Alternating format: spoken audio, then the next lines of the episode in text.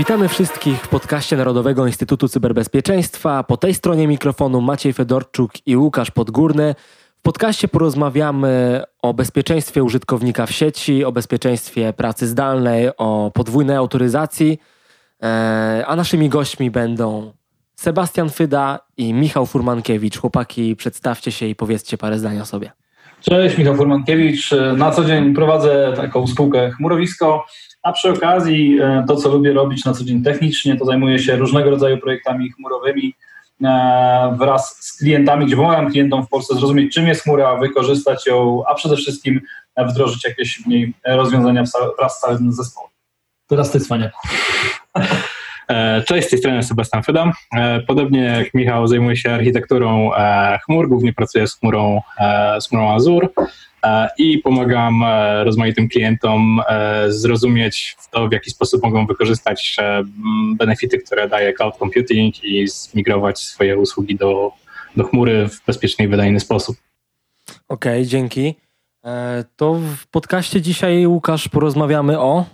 Zacznijmy od tego, jak zmienił się świat w tym momencie, kiedy zapanowała epidemia koronawirusa, jak zmieniła się praca, jak zmieniło się życie i panowie, może takie pierwsze pytanie na otwarcie. No jak zmieniła się ta praca? Jak koronawirus wpłynął na, na nasze nawyki? No wiesz, to bardzo, bardzo szerokie pytanie. To myślę, że o nawykach to, to my nie umiemy pogadać, bo żadni z nas, a, e, ludzie, którzy zajmują się analizą e, zachowań społecznych.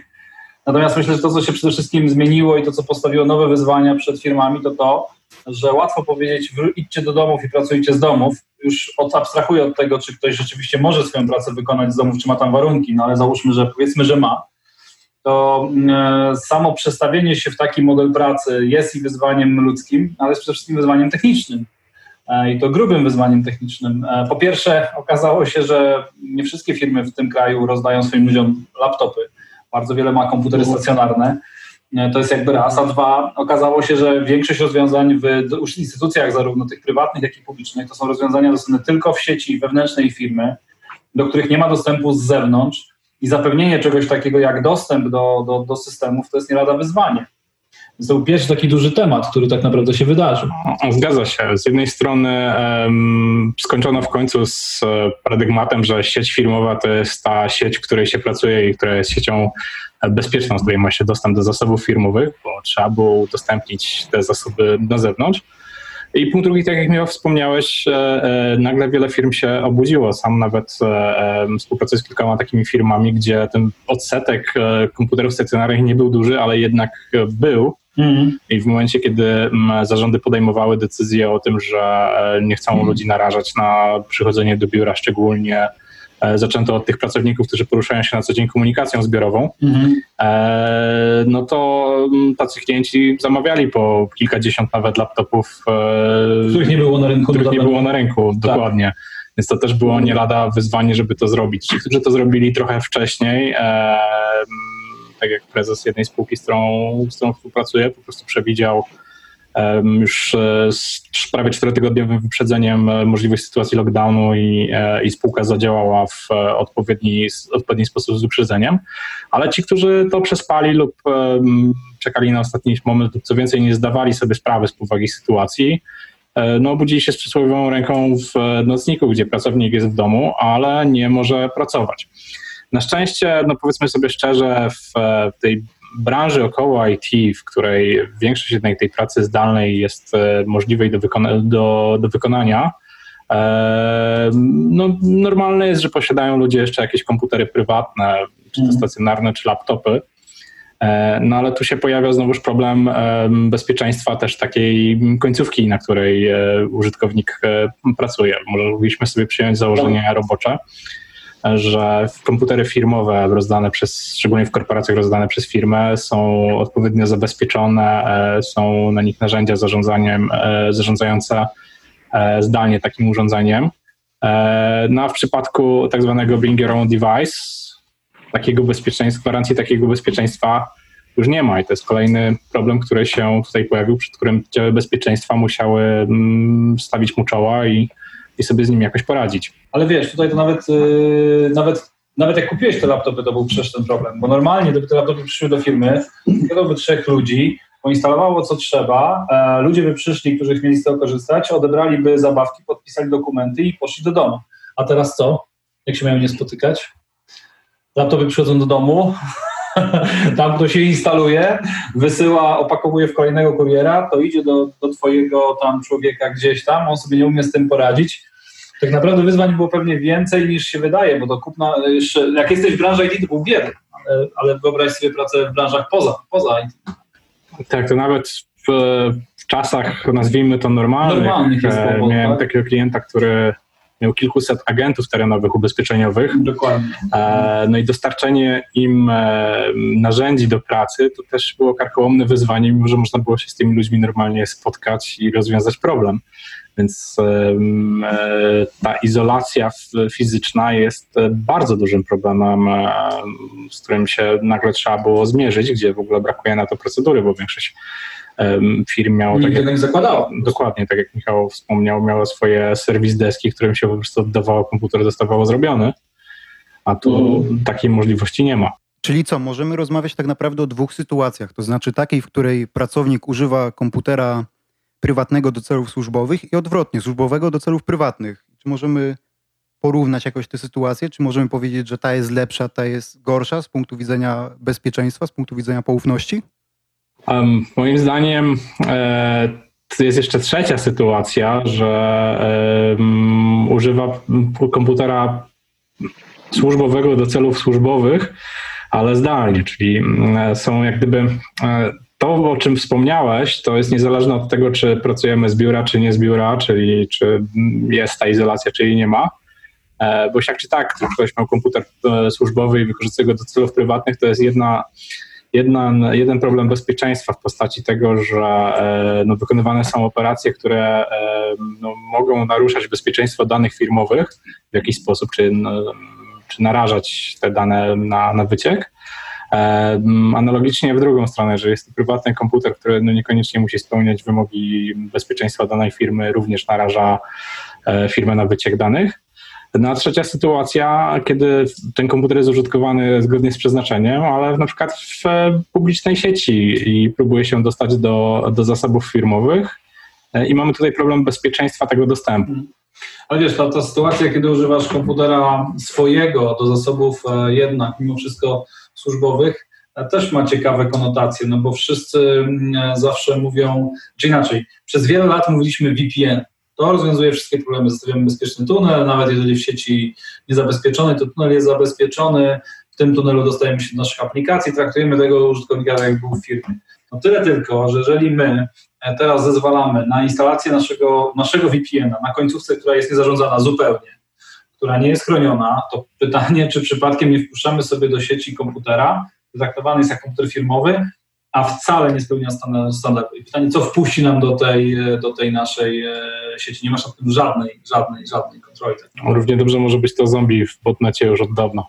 Równie dobrze. E, Ale zgadzam się, że, że praca, znaczy w momencie, w którym to jest praca zdalna, to jest zupełnie inny paradygmat, bo kiedy jeszcze to, to narzędzie jest, jest wewnątrz sieci, mamy dużo więcej możliwości. Kiedy już jest zupełnie na zewnątrz, no to te możliwości się zmniejszają. I albo to, te rzeczy są zarządzane, tak jak powiedziałeś, albo mają pewien standard, są przygotowane w pewnym standardzie i są stale monitorowane, i aktualizowane, i weryfikowane, albo tak naprawdę ten komputer niewiele się różni od twojego, od twojego narzędzia, znaczy od twojego prywatnego PC, który trafia VPN-em do twojego. Czy zalogowałbyś się do banku e, publicznym komputerem stojącym na dworcu? Tak, albo no, komputerem swojego sąsiada też. Raczej podejrzewam, że miałbyś pewne wątpliwości. Dokładnie tutaj jest ten sam, e, ten sam problem. Kiedy używasz prywatnego komputera, żeby dostać się do zasobów firmowych, e, to de facto mógłby to, to jest tak samo, jakbyś się logował z komputera sąsiada do swojego banku. Ale słuchajcie, ale jedźmy dalej, bo już tam pali że ci ludzie dowieść te komputery. Już, już za, załóżmy, że te VPN-y nawet tam ludzie powiększyli, dokupili te licencje, już to wszystko jest. E, Generalnie dzisiaj w tym świecie, e, świecie takim pracy rozproszonej, e, sieć przestała być tym jednym z podstawowych permiterów. Nie możemy ufać temu, co, znaczy inaczej, to nie jest, nie jest, nie jest wyznacznik zaufania. I teraz jeżeli całe nasze systemy zabezpieczania tożsamości, która w tym momencie jest jedynym wyznacznikiem, czy ktoś jest i dostaje się do zasobów kontem, które powinno, czy nie, Jeżeli tego nie umiemy zabezpieczyć, to tak naprawdę to jest gorsza sytuacja niż ta pierwsza. Szczególnie jeżeli wykorzystujemy protokoły, które powiedzmy nie sprzyjają, że tak powiem, dostawaniu się do systemów w, w, w, no, w sieci internet, tak? A, a, przecież wiele firm dalej bazuje na, na protokołach autoryzacji i wierzytelniania, które działają tylko poprawnie w sieci. Zgadza się.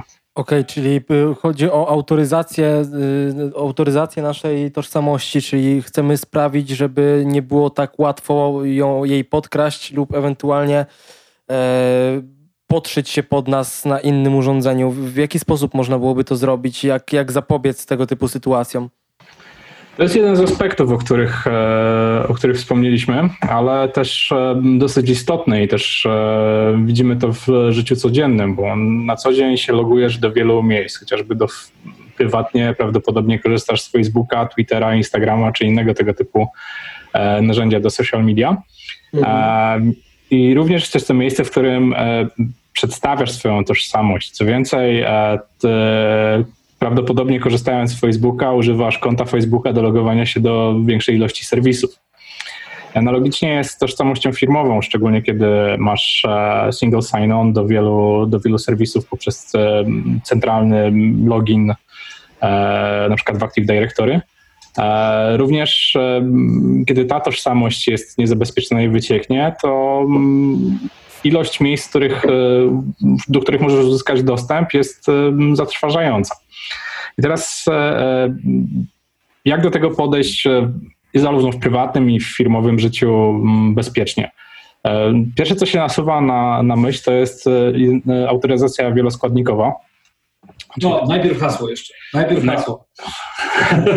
tak. Właśnie, bo wiele ludzi, wielu ludzi w ogóle używa z tego, co, co się mówi, tego samego hasła do wielu serwisów, do wielu platform, co tworzy jakieś takie naturalne zagrożenie najgorszym tak? właśnie wyzwaniem, bo to, że używasz tego samego hasła, że jest odpowiednio e, trudne, odpowie nie, nie jest słownikowe i trudno je złamać zupełnie długie, szczegół biedy, wiesz, bo jeżeli zaczynasz używać do każdego serwisu innego konta, innego hasła, to prawdopodobieństwo jest właśnie takie, że albo są to hasła bardzo, bardzo proste, albo to jest jedno po wszystkiemu i takie, i takie samo. Tak? No więc... Z tym skomplikowaniem hasła też, Michał, nie szedłbym aż tak daleko, bo to, że ono będzie skomplikowane i powiedzmy wycieknie jakiś um, skrót, hash tego hasła, to faktycznie no, okay. może być problem złamać, um, odszyfrować je. Tak ale e, powiedzmy sobie szczerze, nie mamy gwarancji, czy dany serwis, którym użyliśmy go, nie trzyma go przypadkiem plaintekstem. E, więc... To wcale nie jest takie nieoczywiste, tak?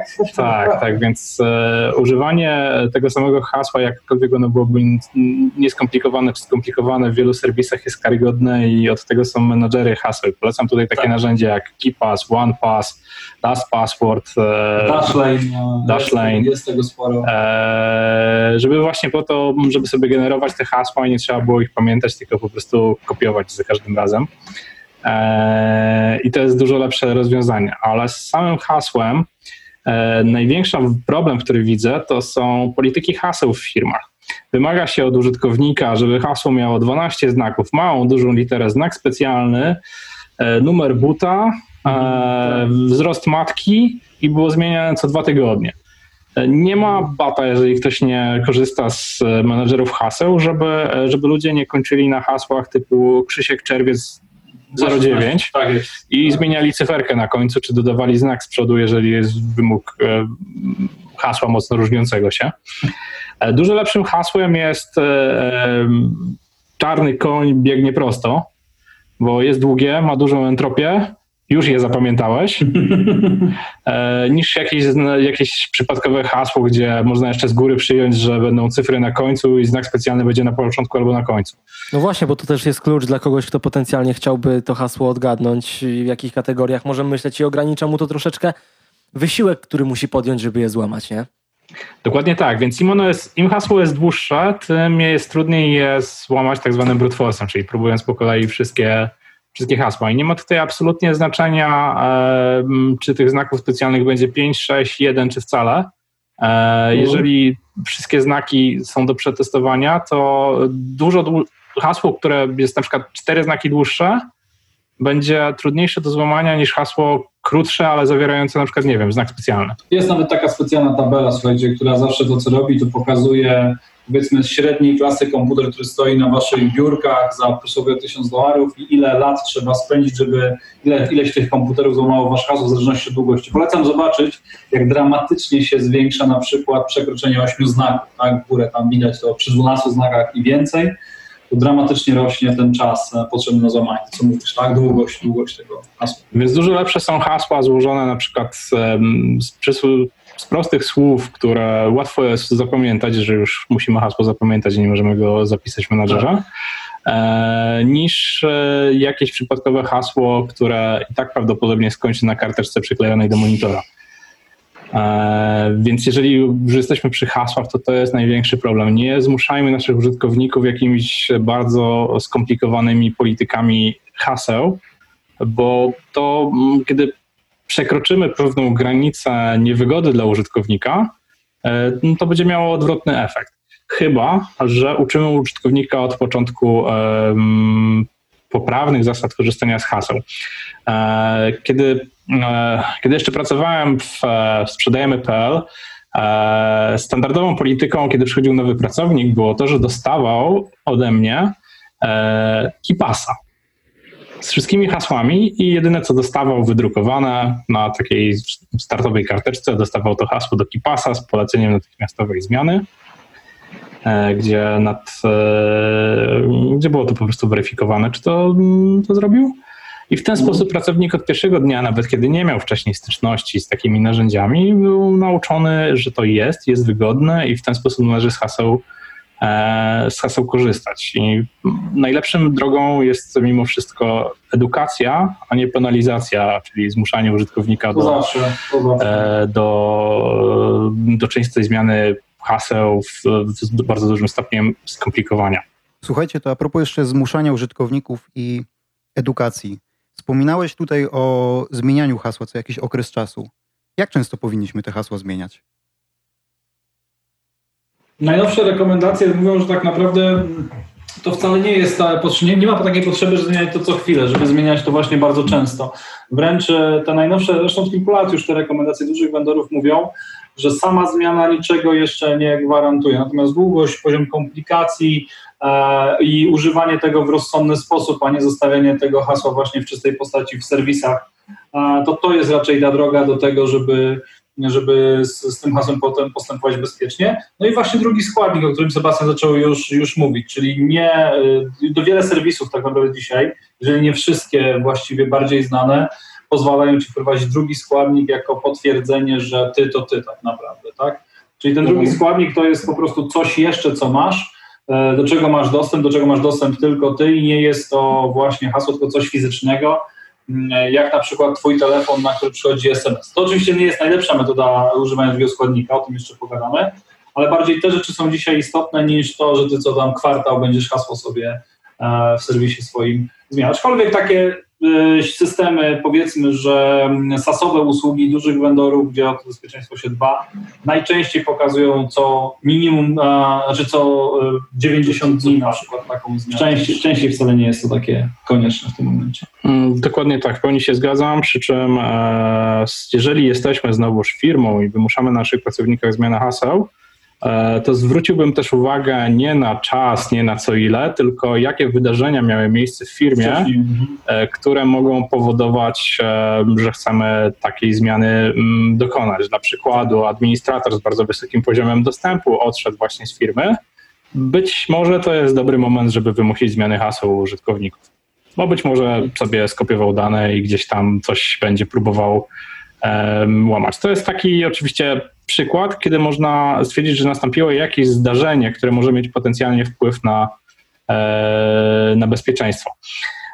No i tutaj jeszcze jest jeden temat pozahasłowy. Wiele usług, z których korzystamy, szczególnie na przykład chmurowych, wykorzystuje, nazwijmy to, konta dla aplikacji, czy konta robotów. W przypadku Azura na przykład są to serwis principale dla aplikacji które bardzo często zapomina się o tym, żeby je zrotować i pracownik odchodzi, hasło mu, mu wyłączyliśmy, konto mu wyłączyliśmy, nawet ludzie pozmieniali jakieś swoje hasła, nie wiem, jeżeli mieliśmy Wi-Fi publiczne z, z jednym wspólnym hasłem, bo nie było zapiętego żadnej autoryzacji e, e, enterprise'owej na, na firmowym Wi-Fi, pozmienialiśmy wszystko, no ale pracownik sobie miał dostęp do serwis principala i ma dalej dostęp do naszych chmurowych usług, czy jakichkolwiek usług, gdzie właśnie było jakieś konto e, przeznaczone dla aplikacji robotycznych.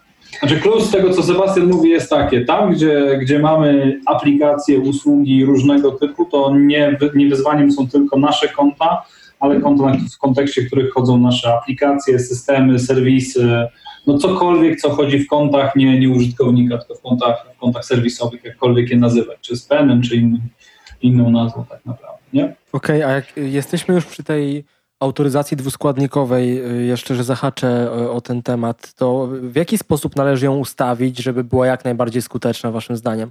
Czy jak już jest, to już jest pierwszy krok do sukcesu, wy zupełnie szczerze. W 2018 roku chyba Forrester robił badanie, które wykazywało, oczywiście e, to jest badanie, no dwa lata to w tym świecie to jest cała, cała wieczność, ale badanie pokazywało, że ustawienie samego drugiego składnika redukuje e, próby ataków na, na, na tożsamości około 85 albo 88%. Natomiast druga rzecz, którą na pewno teraz Sebastian tutaj dołoży, to jeżeli ten drugi składnik jest słaby, na przykład jest to tylko SMS, którego potencjalnie możemy podsłuchać, albo możemy go wyjąć za pomocą jakiegoś software'u na smartfonie, no to to nie jest gene- generalnie to, co jest jakby daje tą najwyższą niezaprzeczalność, tak? Więc są jeszcze inne metody, żeby ten drugi składnik dostarczyć, tak? Ty, ty lubisz UBT, Sebastian. No zgadza się. Jeszcze tutaj no, dokończę, co ma też Michał z SMS-ami na, Tak. e, na myśli. E, zazwyczaj w przypadku telefonu mamy możliwość albo otrzymywać SMS, albo korzystać z jakiejś aplikacji, na przykład Google Authenticator. Dla wielu serwisów, wiele aplikacji, jak aplikacje bankowe, mają po prostu własne systemy autoryzacji. E, i jest to dużo lepsze od SMS-a z bardzo prostej przyczyny. Uodparnia nas na kradzież SIM-u. Mhm. Już wielokrotnie chociażby niebezpiecznik.pl to opisywał, gdy, gdzie na pewnym popularnym serwisie aukcyjnym można bez większych problemu kupić e, dokumenty kolekcjonerskie i po prostu najnormalniej w świecie iść do operatora i wyrobić sobie w 10 minut duplikat naszego SIM-u. E, Co więcej, znam osobiście e, przypadki, kiedy dany numer telefonu otrzymały dwie osoby jednocześnie. Mhm. E, I wtedy ten e, nasz, nie nasz SMS potrafi przyjść do nieznanej osoby. Spory bubel. Jeżeli ktoś jest w stanie na operatorze wymusić takie zachowanie, chociażby ma dostęp do, mm, e, do rejestrów operatora i mm, no, zduplikował sobie nasz SIM, czy w jakikolwiek sposób wszedł w posiadanie naszego numeru telefonu, no to ten SMS trafia już do obcych osób. W przypadku Aha. aplikacji, no jest jednak nasz telefon musi być fizycznie zainfekowany, żeby, żeby ten token autoryzacyjny e, gdzieś, gdzieś wyciekł. Stąd e, SMS gorsza wersja, aplikacja lepsza wersja. Najlepsza wersja? A najlepsza wersja sprzętowy klucz, chociażby YubiKey, e, gdzie I to musi, nie jest kryptoreklama, nie zarabiamy na tym, prawda? dokładnie tak, e, gdzie musimy mieć ten klucz fizycznie podłączony do komputera, e, żeby móc się w stanie nim e, e, autoryzować. A to jest taki prosty klucz, Sebastian, tak naprawdę, nie? Tak. Sam do końca nie, nie zgłębiałem e, szczegółów technologicznych, e, jak on e, działa, więc nie będę tutaj e, udawał, że wiem. E, W każdym razie no, podrobienie takiego klucza jest e, w zasadzie niemożliwe. No i jedna prosta zasada, jeżeli już decydujemy się na autoryzację kluczami e, sprzętowymi, kupmy sobie dwa albo trzy. Jeden trzymajmy w domu, drugi miejmy ze sobą i podpinajmy oba, bo jak zgubimy, no to nie ma wyjścia. Tak, znaczy to, to jest koniec, znaczy trzeba, trzeba tak naprawdę tą tożsamość e, resetować. Tak jest, e, nie jesteś w stanie e, nawet zresetować swojego hasła, mówiąc szczerze, jeżeli nie masz tego drugiego składnika w tym momencie. Tak, i p- kolejna rzecz, z takich kluczy potrafi korzystać Google bez problemu, e, Microsoft w swoich usługach, większość serwisów, Facebook również, więc e, m, naprawdę 90% naszego ruchu w internecie jesteśmy takim kluczem fizycznym w stanie e, sobie m, zabezpieczyć. Jedna uwaga, bardzo częsty błąd, który ludzie robią, którzy kupią klucz, to e, oprócz klucza dla bezpieczeństwa zostawiają też tą starą autoryzację SMS-em, aplikacją, więc nie ma najmniejszego problemu w tym momencie. No fajnie, kto, mm, nas- napastnik e, chce przejąć naszą tożsamość, widzi autoryzację kluczem i no to wybierze sobie dostęp do Czy takiej tak, tak. autoryzacji, której ma, ma dostęp, Ma dostęp, więc dokładnie. ten nasz klucz obejdzie. Więc jeżeli mamy klucz, to mamy tylko i wyłącznie e, na przykład parę kluczy e, podpiętą, odpinamy wszystkie inne metody autoryzacji. No dobra, ale klucz to jest taka już chyba najbardziej zaawansowana metoda też i zakładamy, że najbardziej bezpieczna. I pewnie nie każdy będzie chciał sięgać aż tak głęboko, więc z czego może korzystać, z jakich aplikacji? Bo wiemy, że działają chociażby Google, Google Authenticator, który generuje kody, które pozwalają właśnie na ten drugi składnik. Czy to wystarczy? Czy Google jest dobry? Czy szukać jakichś alternatyw? W przypadku zwykłego użytkownika. Aplikacje są wystarczająco dobre. Um, jedyne ograniczenie, to które wspomniałem, że e, to nie jest w 100% bezpieczne z uwagi na to, że można telefon zainfekować. Mhm. No, bardzo nie jest to jakoś specjalnie skomplikowane. E, Druga rzecz, e, należy nadal pamiętać, że mimo wszystko, że mamy ten, e, składny, ten składnik w postaci kodu z aplikacji czy kodu z SMS-a, to nadal możemy paść ofiarą w phishingu. Niebezpiecznik bardzo często, jak robi swoje m, e, testy penetracyjne w firmach, e, pokazują, podkładają chociażby, nie wiem, jeżeli stwierdzają, że firma korzysta z G Suite'a Google'owego, podkładają fałszywą stronę e, z G Suite'em, proszą cię o zalogowanie się, podsyłają ci jakiegoś fałszywego linka z mailem typu lista osób do zwolnienia, proszę przejrzyj do końca dnia. Logujesz się, prosi cię o SMS-a, nic dziwnego, czy o klucz autentykacyjny, wpisujesz w tym, e, w okienku, które wygląda zupełnie jak logowanie z Google'a e, i dostajesz informację, wpisałeś coś źle, spróbujesz jeszcze raz, logujesz się drugi raz, wszystko przychodzi. Ale w tym czasie już napastnik się zalogował tymi danymi. Mhm. Mimo, że miałeś dwuskładnikowe uwierzytelnianie, miałeś aplikację, miałeś czy tam SMS-a, e, był w stanie przejąć twój token autoryzacyjny i już buszuje po swoim Gmailu. Okej, czyli jednak mimo wszystko najważniejsze jest nasza uwa- uważność i, i rozsądek, a dopiero później są możliwości technologiczne. To y, panowie, w takim razie podsumujmy może y, w pigułce, w jaki sposób skutecznie się zabezpieczyć przed niechcianymi atakami i, i to by było chyba na ten moment y, na tyle, jeżeli byśmy już mieli. Tak jak słusznie zauważyłeś, najważniejsza jest nasza uwaga. Zwracanie uwagi, od kogo dostaliśmy ten e, jakiegoś maila czy linka. E, Czy wiadomość na Facebooku, bo to dzisiaj... Tak, bardzo często dostajemy wiadomość na Facebooku typu hej, zobacz, czy na piątym zdjęciu to jesteś ty. I klikamy takiego linka i już jesteśmy również my zainfekowani. SMS y, tak samo. Ja ostatnio dostałem SMS-a teoretycznie od Poczty Polskiej. Nie dostarczymy twojej przesyłki, ponieważ okazała się zbyt ciężka. Kliknij link, by zmienić wersję tam dostawy, czy coś A takiego. było o tym głośno, tak, tak. Właściwie w każdym miejscu możesz być narażony na to, że ktoś będzie próbował cię podejść i w jakiś sposób wyciągnąć coś, co pozwoli mu właśnie wy, przygotować sobie ten zestaw do, do, do danych do, do ataku. I w przypadku takiej wiadomości tak naprawdę chwila nieuwagi i jest po sprawie, bo to dos, dość dobra przynęta dla, dla, wiele, dla wielu osób, które nie są wtajemniczone, tak jak chociażby wy. Dokładnie tak. Zresztą e, Kevin Mitnick e, w przedmowie do swojej książki e, napisał wyraźnie: Nie łamałem zabezpieczeń, łamałem ludzi. Mhm. Ludzie są zawsze najsłabszym ogniwem w e, całej, całym łańcuchu bezpieczeństwa. Tak jest. I tym pięknym zdaniem można byłoby podsumować i zakończyć naszą rozmowę. Dziękujemy Wam bardzo, panowie, za poświęcony czas i do usłyszenia w następnym odcinku. Dziękujemy również. Dzięki serdeczne.